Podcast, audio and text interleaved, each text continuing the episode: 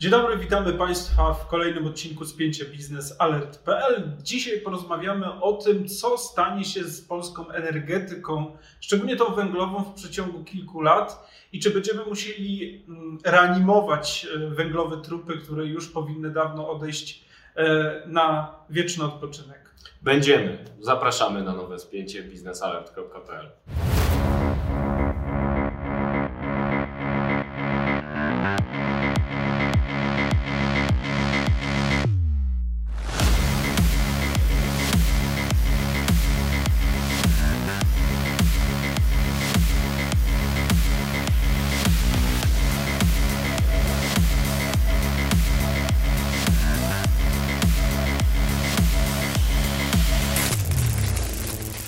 właśnie, Wojtku. Powiedziałeś już tak zdecydowanie, że będziemy. Mamy kilkanaście bloków węglowych, e, tych starych dwu- dwusetek, które były budowane jeszcze w latach 70. i 80., że jeszcze pamiętają starą erę e, gierkowską. Tak, która w energetyce nie chce się skończyć. Nie chce się skończyć, czyli ten Gierek nam zostawił spuściznę twarz, twarz niż ze zasadzie. Tak jest, tak jest. Tutaj rzymscy poeci by sobie tego lepiej nie napisali. No Mamy właśnie. Dużo tej energetyki węglowej. No I co z nią będzie? No, No właśnie. one technologicznie już powinny być wyłączane, nie nawet ze względów na kwestie klimatyczne, ale one po prostu są, takie stare, że już trzeba je odłączyć. Coraz więcej dochodzi do różnego rodzaju przepięć, różnych problemów e, technologicznych, które wyłączają te bloki e, podczas różnych e, skoków napięć czy, czy skoków zapotrzebowania. No i co teraz? Co będą, będą modernizowane? Będą Tak, będziemy je resuscytować, No. czym już naprawdę chorego na, na łożu śmierci.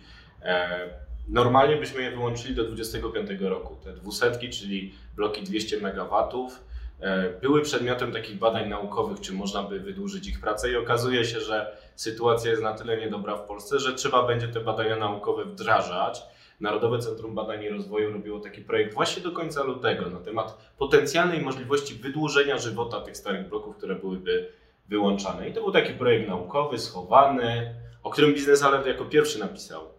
Nie bez powodu, bo właśnie mieliśmy informację, że tak będzie, że będzie się działo to, co ma się stać i o czym już mówił otwarcie minister aktywów państwowych, pod, którym, e, pod którego nadzorem znajdują się wszystkie spółki elektroenergetyczne, czyli właściwy człowiek, który może to ogłosić światu. W Polsacie powiedział, że już zlecił spółkom elektroenergetycznym badanie, czy można by wydłużyć życie tych e, dwusetek. Z tego co wiem, to się stało dużo wcześniej, teraz dopiero się o tym dowiadujemy, bo sytuacja jest niedobra. Bo o co chodzi? E, Normalnie byśmy wyłączali te bloki, bo jest polityka klimatyczna, bo one są już takie stare, że się nie opłaca ich trzymać i trzeba budować nowe elektrownie. Tylko, że my ich nie budujemy. Nie budujemy nowych elektrowni na tyle No szybko, tam budujemy. No coś tam powstaje, tylko że każdy nowy blok gazowy ma problem z modelem finansowym, na przykład przez kryzys energetyczny, wzmagany oczywiście przez Gazprom. Cena gazu jest tak wysoka, że firmy boją się składać modele finansowe. Ma z tym problem PGNiG, ma z tym problem e, Orlen. Wszyscy, którzy chcą budować nowy gaz, który ma zastępować węgiel, mają problem, a to może e, spowodować, że te bloki gazowe, które miały wchodzić w miejsce węgla, nie pojawią się na horyzoncie. Do tego mamy odrodzenie gospodarki po kryzysie, mamy bardzo szybki jałowy bieg wynikający z tego, że jest wysoka inflacja, kręci się pieniądz w gospodarce i bardzo dużo się dzieje.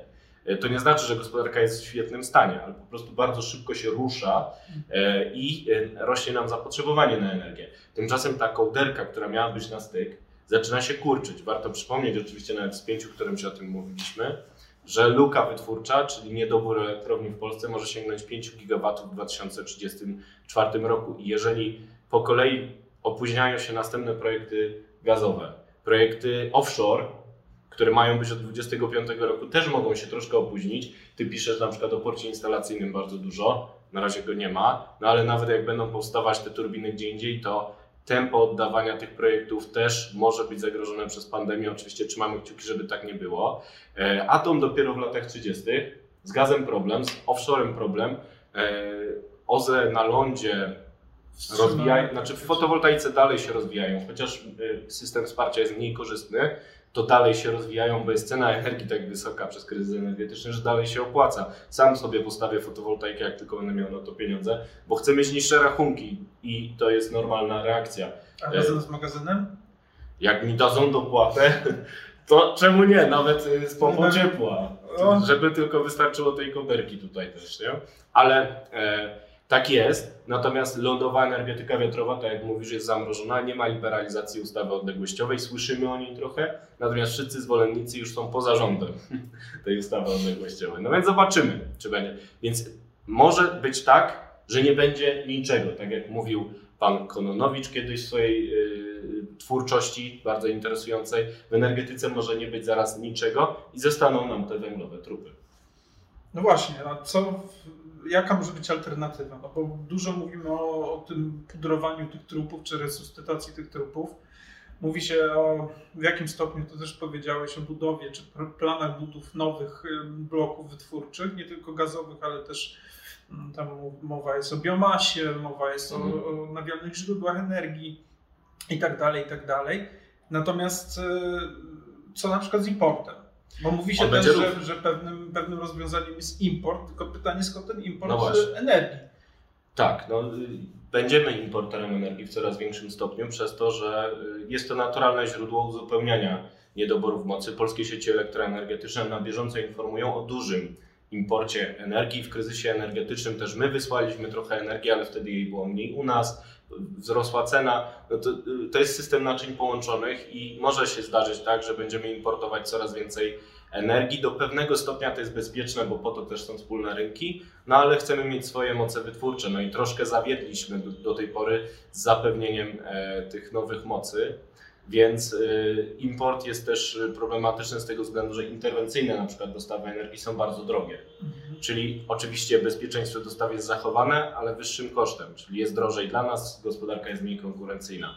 E, Dlatego też pomysł, który do niedawna jawił się jako nierealny ze względu na taki, takie podejście suwerennościowe do energetyki, czyli import energii na przykład z Ukrainy, już jest postrzegany inaczej w Warszawie z tego względu, że to jest jednak źródło na przykład kontraktu długoterminowego, takich stabilnych dostaw w atrakcyjnej cenie spoza Unii Europejskiej. Na pewno lepsze niż z obwodu królewieckiego, o którym ty pisałeś. Tylko pytanie, kolei- czy to jest stabilne. Na- No teraz i właśnie- wcale nie mam na myśli długości. Jeszcze do niedawna byśmy powiedzieli, że stabilne, ale przez to, co robi pan Władimir e, na Ukrainie, też nie wiadomo jak będzie. Natomiast jeżeli będzie stabilnie na Ukrainie, to taka współpraca energetyczna w bardzo ciekawym wywiadzie twoim z profesorem Świrskim jest opisywana jako kolejny sposób wsparcia Ukrainy, stabilności tego kraju.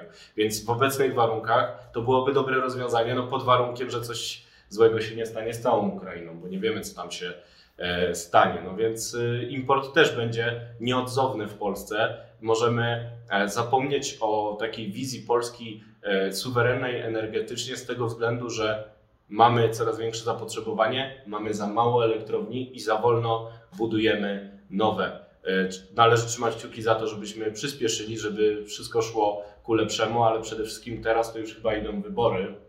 Oczywiście w 2023 roku, chyba że odbędą się wcześniejsze, ale one mogą też demobilizować polityków. Z drugiej strony kryzys energetyczny, z trzeciej strony kryzys na Ukrainie, one powinny nas z kolei mobilizować, no i oby tak było.